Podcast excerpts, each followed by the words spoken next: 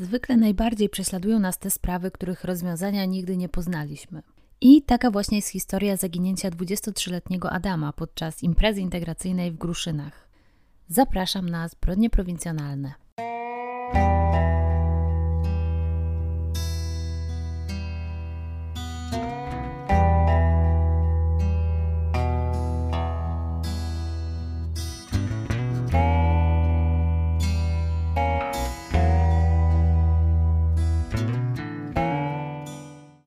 Myśl o tym, ile osób co miesiąc ginie bez śladu, jest bardzo niepokojąca.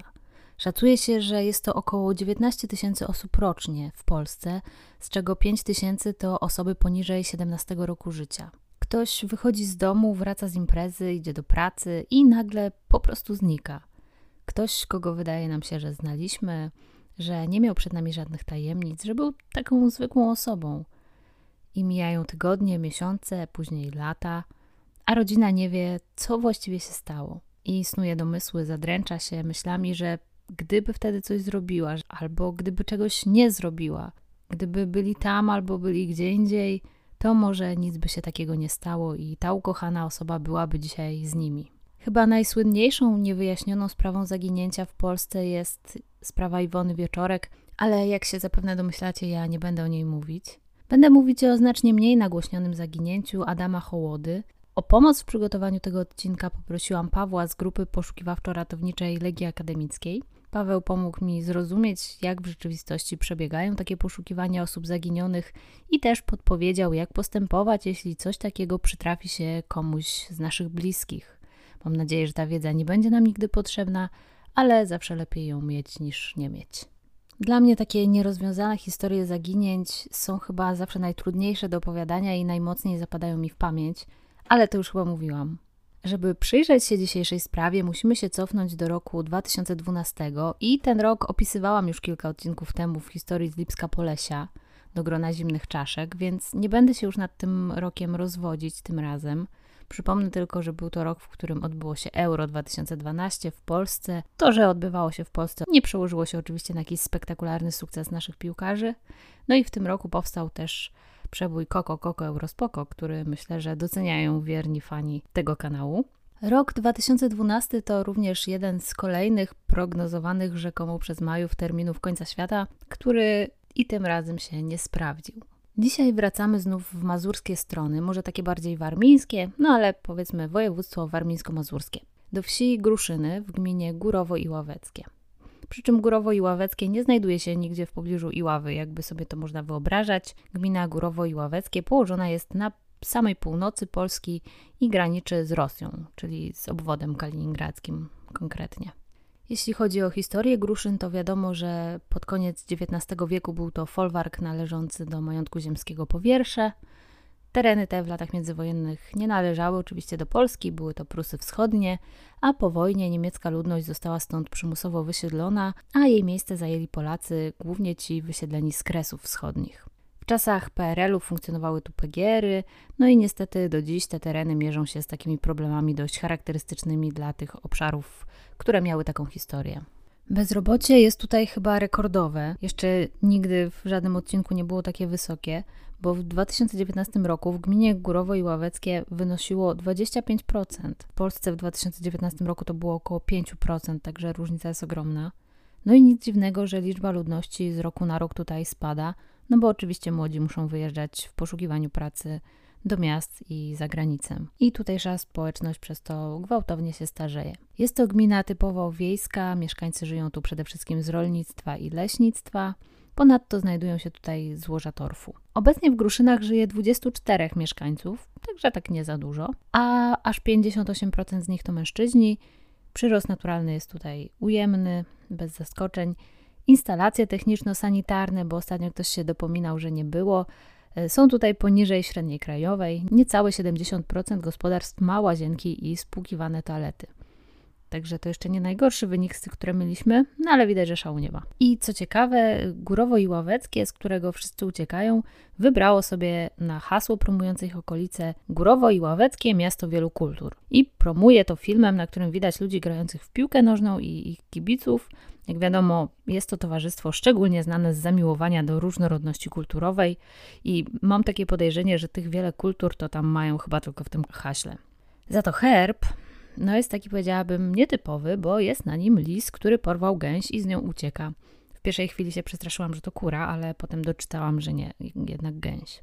Wbrew pozorom nie wiąże się to jednak z jakimś szczególnym złodziejskim charakterem okolicy. Przestępstw przeciwko mieniu jest tutaj zdecydowanie mniej niż średnio w kraju i ogólna liczba przestępstw też jest tutaj niższa, wynosi 16 na 1000 przy średniej krajowej 20,75. A co aktualnie spędza sen z powiek dzielnicowemu? Otóż zadaniem priorytetowym dzielnicowego jest nadzór nad rejonem placu ratuszowego w Górowie i Ławeckim.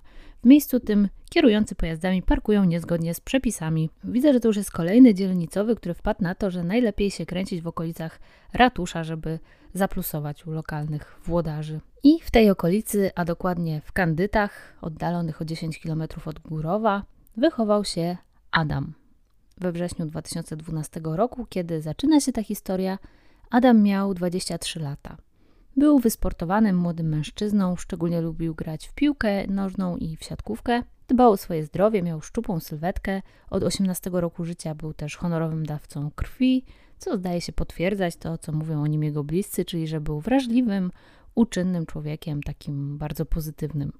Nie należał do osób bardzo wylewnych, ale był sympatyczny, taki energiczny, z poczuciem humoru, potrafił zjednywać sobie ludzi. Nie bez znaczenia był przy tym też pewnie fakt, że Adam był przystojnym, młodym mężczyzną, miał jasne włosy, niebieskie oczy, ponad 190 cm wzrostu, także na pewno był to chłopak, na którego trudno było nie zwrócić uwagi. Pomimo takiego pozytywnego nastawienia i młodego wieku, Adam miał już za sobą trudne doświadczenia, które bardzo mocno na niego wpłynęły.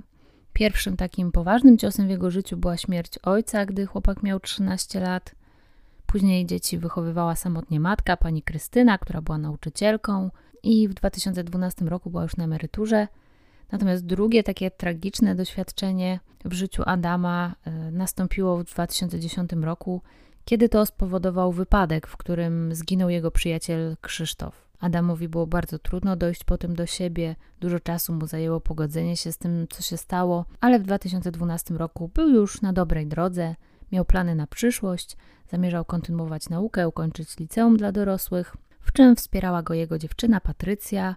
Para nie była ze sobą jakoś bardzo długo. Patrycja nie poznała jeszcze rodziny Adama, ale byli w sobie zakochani, no i traktowali te relacje raczej tak poważnie. Oprócz tego Adam pracował, i była to praca taka typowo fizyczna przy załadunku w firmie sprzedającej meble, która miała siedzibę w Górowie i Ławeckim. I 15 września 2012 roku właśnie ta firma organizowała imprezę integracyjną dla wszystkich pracowników. Był to piątek, także już po pracy po 17 wszyscy ruszyli do Gruszyn, niecałe 4 km od Górowa, gdzie to spotkanie miało się odbyć w takim gospodarstwie agroturystycznym. Adam zapatrywał się na tę imprezę raczej sceptycznie. Niespecjalnie miał ochotę w niej uczestniczyć, niespecjalnie lubił takie spędy, ale już w piątek, możliwe, że za namową kolegów z pracy, ostatecznie zdecydował się, że on też pojedzie do Gruszyn, żeby może trochę się jednak z tym zespołem z pracy zintegrować. Uznał, że może korzystnie wpłynie to na jego relacje w pracy. I to gospodarstwo, w którym odbywała się impreza, nazywało się w Kamiennym Kręgu i było położone nad stawem w Gruszynach, ale tak na uboczu, pośród pól. Około kilometra od głównej szosy prowadziła tam taka bardzo wąska droga, zrobiona z takich płyt, nawet nie, nie wybetonowana, tylko z takich położonych płyt. I tam na miejscu było ognisko, grill, sporo ławek, stołów, jakieś altanki, także uczestnicy zabawy mogli się rozejść po terenie i w różnych częściach działki spędzać ten czas w podgrupach, jak to zresztą zwykle na takich y, imprezach się dzieje. Jako, że to, co się dzieje na imprezie integracyjnej, zostaje na imprezie integracyjnej, to szczegółów jej przebiegu nie znamy, ale prawdopodobnie nie wydarzyło się tam nic ponad to, co każdy z nas z podobnych wydarzeń zna i może sobie wyobrazić. W sobotę rano Adama wciąż nie było w domu. Jego matkę to zaniepokoiło, bo chłopakowi nigdy się nie zdarzało znikać na tyle czasu bez uprzedzenia. I matka Adama, pani Krystyna, wspomina, że podzieliła się tą informacją ze znajomymi, ale ci ją tak wyśmiali, mówiąc, że przecież to dorosły chłop, był na imprezie, pewnie przeholował z alkoholem i teraz leczy kaca u jakiegoś kolegi, także żeby się nie martwiła. No i jego matki to tak do końca nie uspokoiło, ale uznała, że nie będzie wszczynać alarmu, że pewnie znajomi mają rację. I myślę, że to jest taki dylemat, przed którym stanąłby każdy z nas albo wielu z nas, czy zawiadamiać policję, czy czekać. I zapytałam Pawła z grupy poszukiwawczo-ratowniczej Legii Akademickiej o to, jak wygląda to z punktu widzenia właśnie tych osób, które zajmują się poszukiwaniami osób zaginionych i jak w takiej sytuacji powinno się postąpić. Przede wszystkim powinniśmy sprawdzić, czy znajomi tej osoby nie mają z nią kontaktu.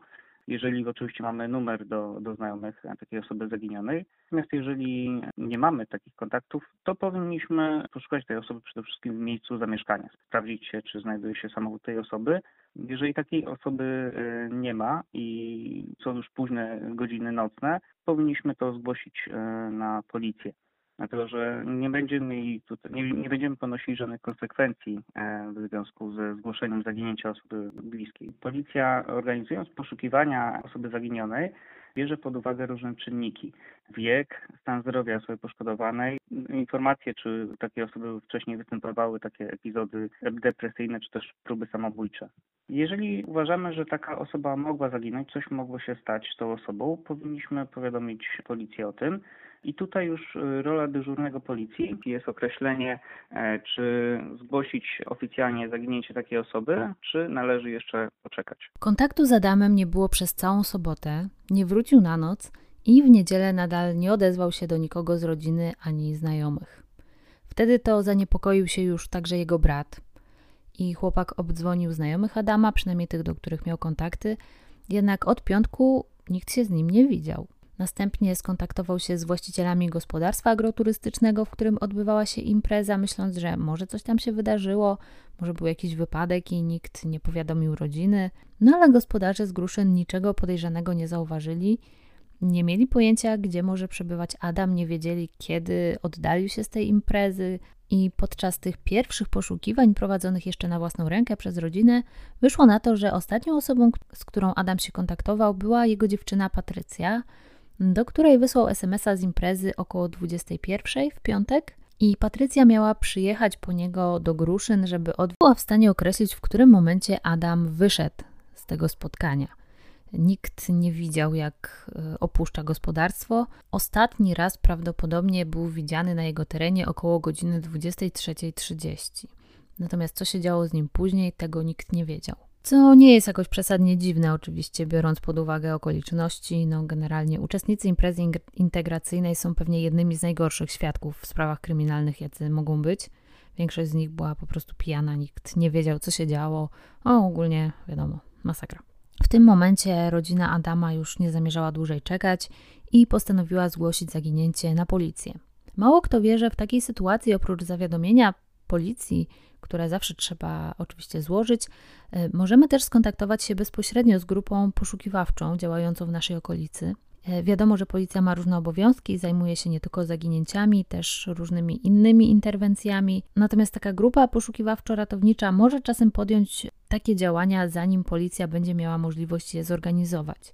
Niezależnie od tego, którą kategorię zaginięcia przypisano danemu przypadkowi, i nie trzeba być też y, krewnym zaginionej osoby, żeby taki kontakt nawiązać. I Paweł powiedział mi, jak krok po kroku wygląda przyjęcie takiego zgłoszenia. Można wtedy skontaktować się z lokalną grupą poszukiwawczo-ratowniczą. Ona przede wszystkim może wesprzeć policję e, w poszukiwaniach e, takiej osoby zaginionej, głównie jeżeli chodzi o, tutaj o przeszukiwanie terenów e, trudniejszych, lasów, podmokłych obszarów, pustostanów. Przy telefonie alarmowym dyżuruje jeden z naszych ratowników i w momencie, kiedy otrzymamy e, od takiej osoby telefon, przede wszystkim pytamy się o okoliczności takiego zaginięcia, o to, czy zaginięcie zostało zgłoszone na policję, o opis tej osoby. Również staramy się skontaktować bezpośrednio z tą rodziną, czyli przyjechać do miejsca zamieszkania e, osoby zaginionej. Mamy też na stanie psa tropiącego i tutaj rola rodziny czy też znajomych, żeby przekazać jakąś część e, ubrania e, osoby poszkodowanej, tak żeby pies mógł złapać trop. To w jakim momencie e, takie poszukiwania rozpoczniemy, to już zależy od tego, czy rzeczywiście jest duże ryzyko, że, ta że życie lub zdrowie tej osoby może być zagrożone. I w jakich, w jakich sytuacjach te poszukiwania na pewno rozpoczną się najszybciej? W momencie, kiedy y, dojdzie do zaginięcia osoby nieletniej, bądź też osoby w wieku e, podeszłym, osoby z chorobami przewlekłymi, takiej, która e, wychodząc zostawiła list pożegnalny i zadeklarowała chęć popełnienia samobójstwa. A jak wyglądają takie poszukiwania? Tak od początku sprawdzamy przede wszystkim na mapach, czy w okolicach miejsca zamieszkania nie ma różnych obiektów, gdzie ta osoba mogłaby przebywać, obiektów e, takich odizolowanych od ludzi, czyli lasów, bądź też e, dużych opuszczonych terenów po fabrykach. Szukamy punktów charakterystycznych, dlatego że osoba, która zagubiła się i, i tak naprawdę idzie i nie wie dokładnie dokąd chce pójść, automatycznie szuka punktów charakterystycznych. Czyli jeżeli na przykład idąc po płaskim terenie zobaczy jezioro bądź też wieżę, most, to niewiele myśląc uda się w tym kierunku. To jest już taki e, nasz odruch, że będziemy się kierowali na przykład wzdłuż linii prostych, wzdłuż miedzy, wzdłuż e, linii wysokiego napięcia i na takie punkty zwracamy uwagę i tam staramy się kierować. Jak wiemy z różnych spraw, chociażby ze sprawy zaginięcia Iwony Wieczorek, służby nie zawsze tak od razu rozpoczynają poszukiwania szczególnie jeśli zaginie młoda osoba w weekend, po imprezie. Jednak w przypadku Adama reakcja policji była natychmiastowa.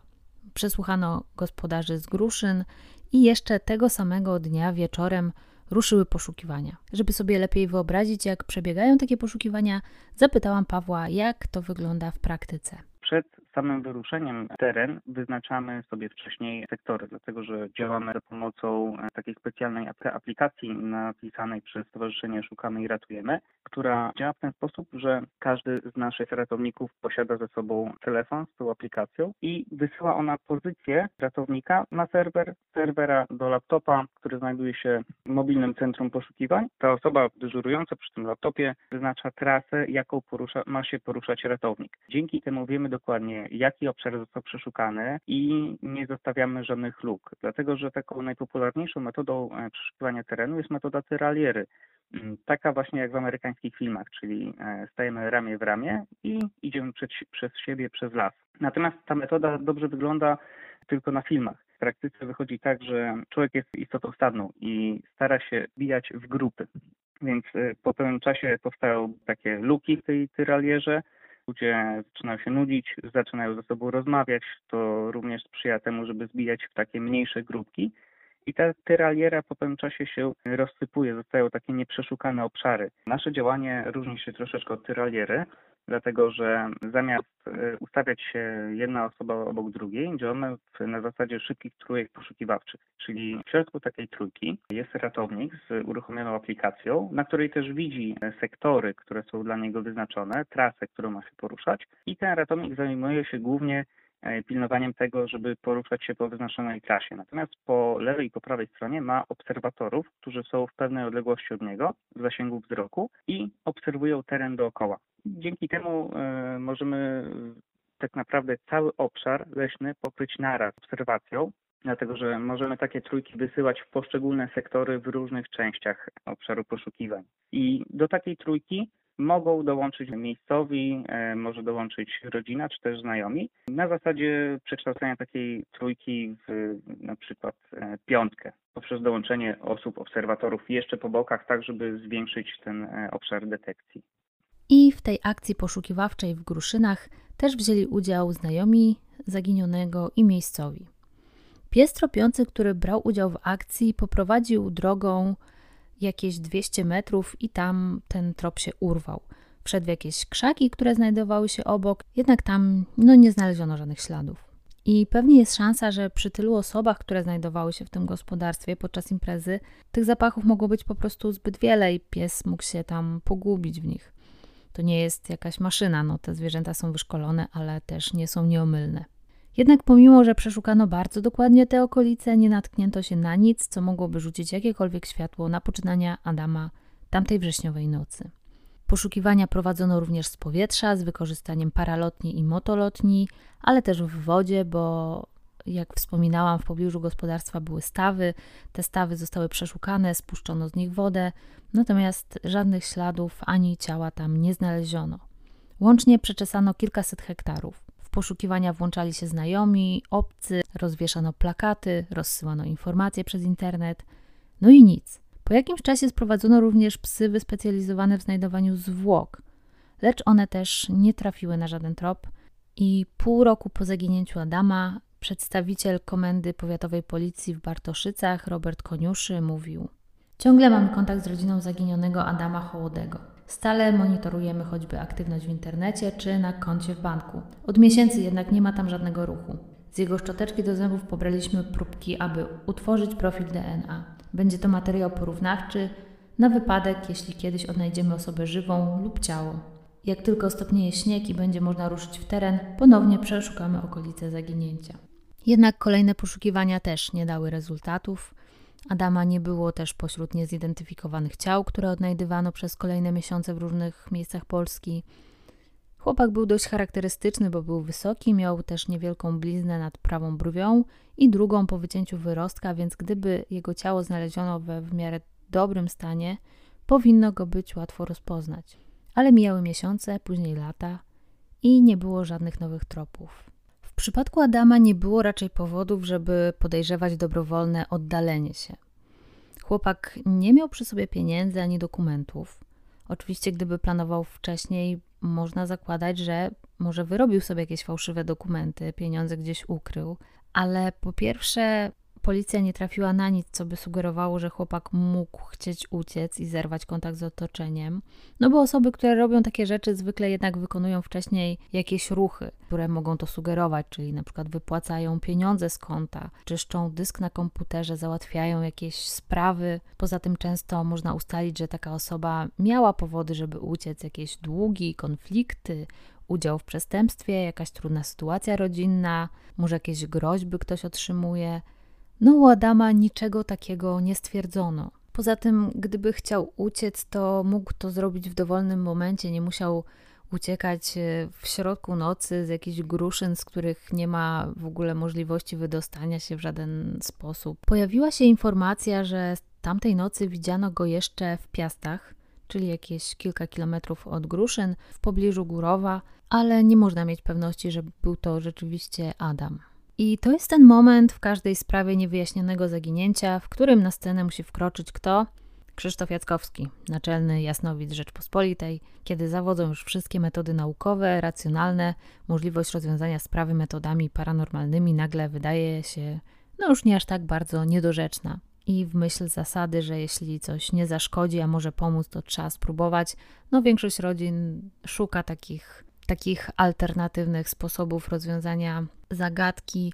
Ja to w niej niespecjalnie wierzę, co już mówiłam, no ale oczywiście rozumiem, dlaczego ludzie to robią. Po prostu czepiają się każdej nadziei, jaka tylko gdzieś tam istnieje. No i rodzina Adama spróbowała. Krzysztof Jackowski stwierdził, że Adam nie żyje i swoim zwyczajem zaznaczył na mapce miejsce, w którym może się znajdować ciało. I była to rzeka i jakieś pobliskie zbiorniki wodne. Szczerze mówiąc, gdybym miała w ciemno wytypować najbardziej prawdopodobne miejsce ukrycia zwłok w takim terenie, mając tylko mapę, to też bym pewnie stawiała na jakieś zbiorniki wodne, no bo dlaczego nie? Ma to sens. I nie miałoby to nic wspólnego z jasnowidzeniem, no ale gdybym tak strzeliła, to też bym nie trafiła, bo te miejsca zostały przeszukane i ciała Adama Nigdzie w nich nie znaleziono. Jest też taka pani Jasnowicka, która umieszcza swoje wizje na blogu. Blog się nazywa maja-danilewicz.blogspot.com. Może go kojarzycie, bo on się też pojawia przy wielu takich sprawach. W źródłach macie link do tej przepowiedni, czy też wizji, którą ona tam opisała. Możecie ją sobie w całości przeczytać, natomiast ja tak w skrócie mogę powiedzieć, że według tej wizji Adam przeskakiwał przez jakieś ogrodzenie, stracił równowagę, uderzył się e, i w ten sposób zginął. I tam była taka sugestia, że mógł iść przez jakiś cmentarz na skróty, bo chciał dotrzeć do kogoś znajomego. Natomiast próbowano to dopasować jakoś do tych miejsc, w których Adam mógł przebywać, ale no nic to nie dało, co mnie, prawdę mówiąc, jakoś szczególnie nie dziwi. I w listopadzie Adam stał się jednym z bohaterów programu Ktokolwiek widział, ktokolwiek wie. Jego sprawa była omawiana tam zaraz obok innego zaginięcia. I o tych dwóch sprawach często mówi się razem, bo zaszła taka dziwna zbieżność, która prawdopodobnie jest przypadkowa, ale rzuca się w oczy bo dokładnie w ten sam weekend, kilkadziesiąt kilometrów na południe od Górowa i Ławeckiego, w Siedliskach pod Pasymiem, zaginął inny chłopak, Michał Stefański. Michał miał 21 lat, uczył się w szkole policyjnej i tamtego wieczora na terenie gospodarstwa, w którym mieszkał i pomagał, urządzano grilla. Także też impreza w nocy, w ten sam weekend i w czasie tej imprezy Michała widziano po raz ostatni. Nie wiadomo kiedy się oddalił, Wiadomo tylko, że wszystkie jego rzeczy, dokumenty, pieniądze zostały w przyczepie, w której mieszkał na terenie tego gospodarstwa. Prowadzone wówczas poszukiwania, podobnie jak w przypadku Adama, no nic nie dały. Dlatego też sprawy tych dwóch chłopaków zaczęto dość szybko łączyć, bo wyobraźnia podpowiadała, że może jakiś seryjny morderca mógł jechać wtedy przez Mazury i każdej nocy popełniać nowe morderstwo. Trochę naciągane, ale no teoretycznie możliwe. Policja wprawdzie nie wiązała tych spraw ze sobą, prowadzono zupełnie dwa osobne śledztwa, zajmowały się nimi dwie różne komendy policji. Sprawa była raczej włączona tak medialnie. No bo to była taka ciekawostka, która może bardziej pobudzić wyobraźnię, zwrócić uwagę, bo to taka nietypowa sytuacja. Ta tragedia i te podobne doświadczenia połączyły natomiast matki obu chłopaków i wspólnie kobietom było łatwiej jakoś zabiegać o to, żeby sprawy ich synów nie zostały zapomniane.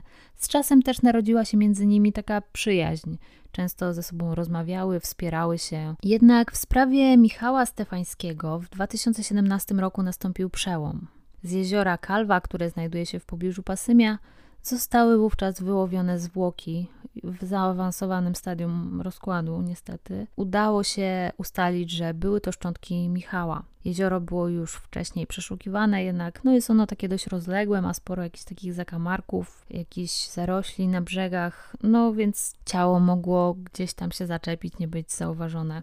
Policja oczywiście próbowała wyjaśnić, w jaki sposób doszło do tego utonięcia, natomiast żadne nowe informacje się nie pojawiły, także prawdopodobnie no, uznano, że było to utonięcie, nieszczęśliwy wypadek, że nie było tutaj udziału osób trzecich. To ostatecznie dowodzi, że raczej te dwie sprawy nie były ze sobą powiązane. Tymczasem rodzina i przyjaciele Adama zwracali się do wszelkich możliwych fundacji, stowarzyszeń, platform pomagających w poszukiwaniu osób zaginionych. Było dużo plakatów, ulotek, twarz Adama pojawiała się w mediach. Oczywiście pojawiło się w związku z tym mnóstwo sprzecznych informacji. Ktoś widział chłopaka w Wiśle, a to w pociągu między Warszawą a Aleksandrowem Kujawskim, a to gdzieś na promie. Nic z tego się jednak nie potwierdziło. I jak zawsze przy takich sprawach niestety pojawiają się osoby, które z premedytacją rozpowszechniają fałszywe informacje i tutaj też była taka sytuacja, ktoś twierdził, że znaleziono ciała Adama w 2016 roku, okazało się to bzdurą.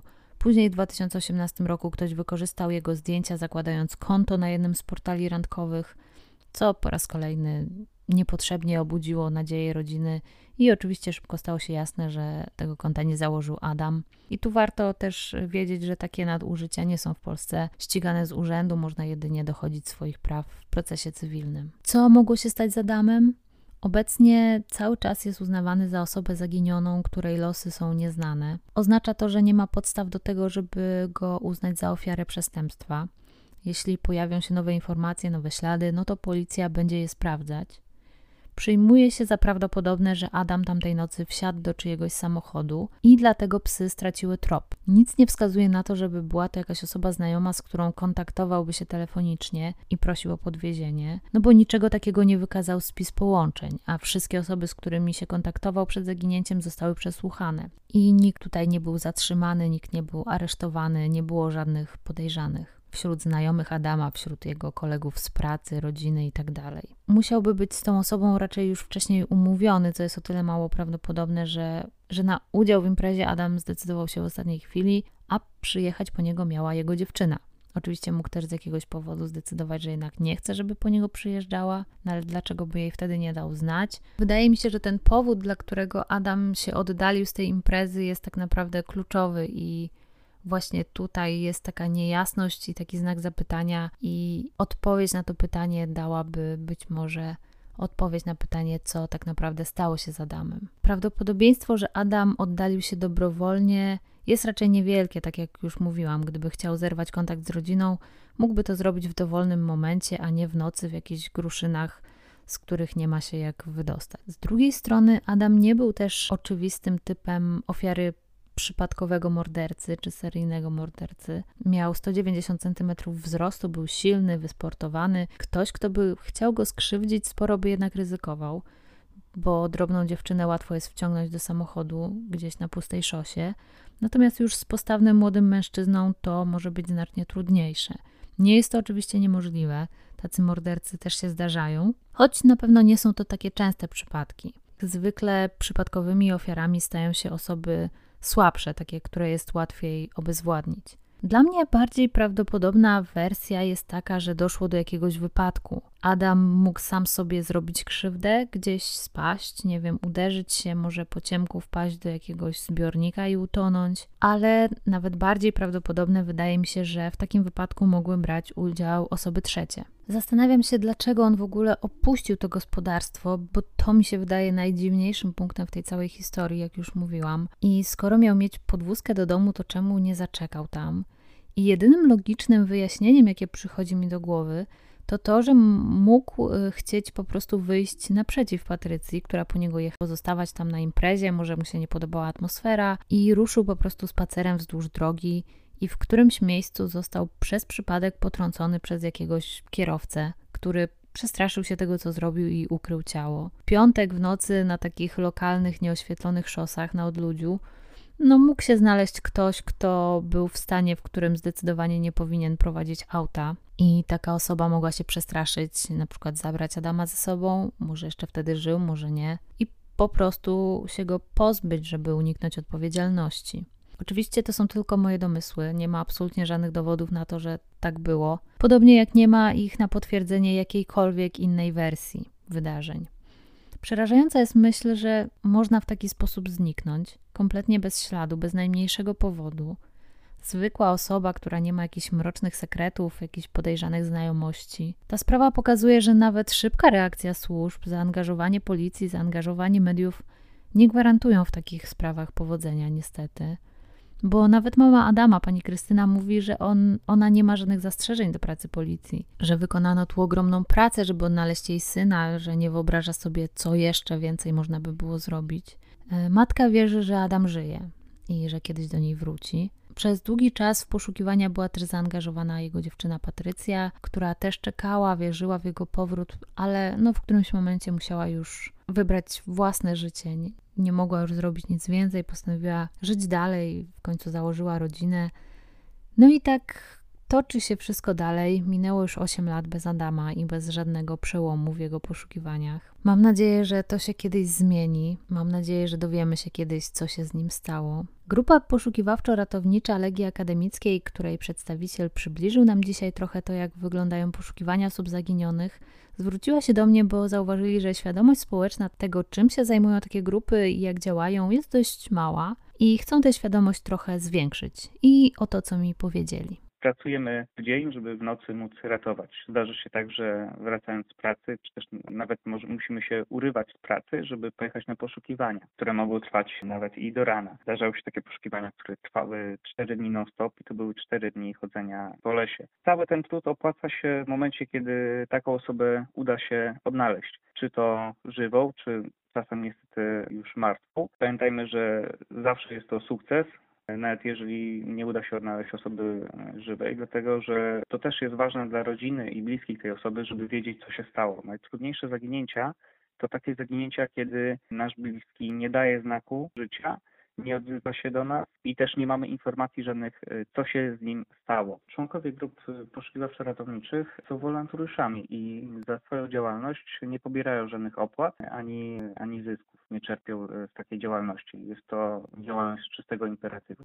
I żeby była jasność, nie jest to żadna akcja sponsorowana. Myślę po prostu, że wykonują naprawdę ważną, potrzebną robotę. Także jeśli chcielibyście ich wesprzeć, to zostawiam Wam link w opisie. Opublikuję też informacje w postach na Facebooku i YouTubie. Zorganizowaliśmy zbiórkę na działania grupy poszukiwawczo-ratowniczej na portalu zrzutka.pl i na platformie Patronite, gdzie można wpłacić środki, które przekażemy później na działania grupy, czy to na paliwo, na, na wyjazdy, na akcje poszukiwawcze, czy na sprzęt, szkolenia, utrzymanie siedziby naszej i ogólne, ogólne działania. Pamiętajcie, że są to wolontariusze i wsparcie finansowe, które im przekazujecie, nie jest tak naprawdę wsparciem dla nich, tylko pieniędzmi, które pomogą w przyszłości w ratowaniu ludzkiego życia. Niestety w przypadku dzisiejszej historii takie działania nie przyniosły rezultatu, ale jest wiele sytuacji, w których następuje to szczęśliwe zakończenie. Grupa poszukiwawczo-ratownicza Legii Akademickiej powstała w Lublinie, natomiast takich grup jest w Polsce oczywiście więcej, funkcjonują w każdym województwie, więc gdybyście kiedykolwiek potrzebowali takiej pomocy lub znali kogoś, kto by jej potrzebował, to szukajcie w internecie, gdzie jest najbliższa taka grupa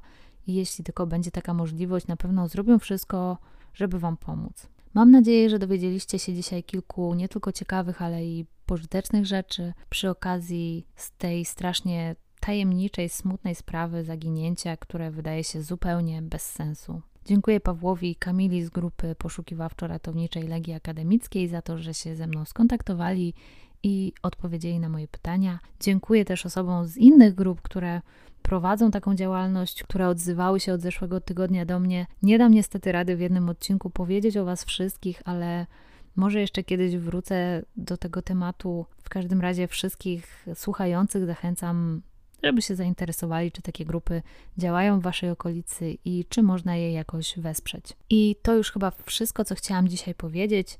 Dziękuję Wam za uwagę i zapraszam za tydzień na kolejny odcinek Zbrodni Prowincjonalnych.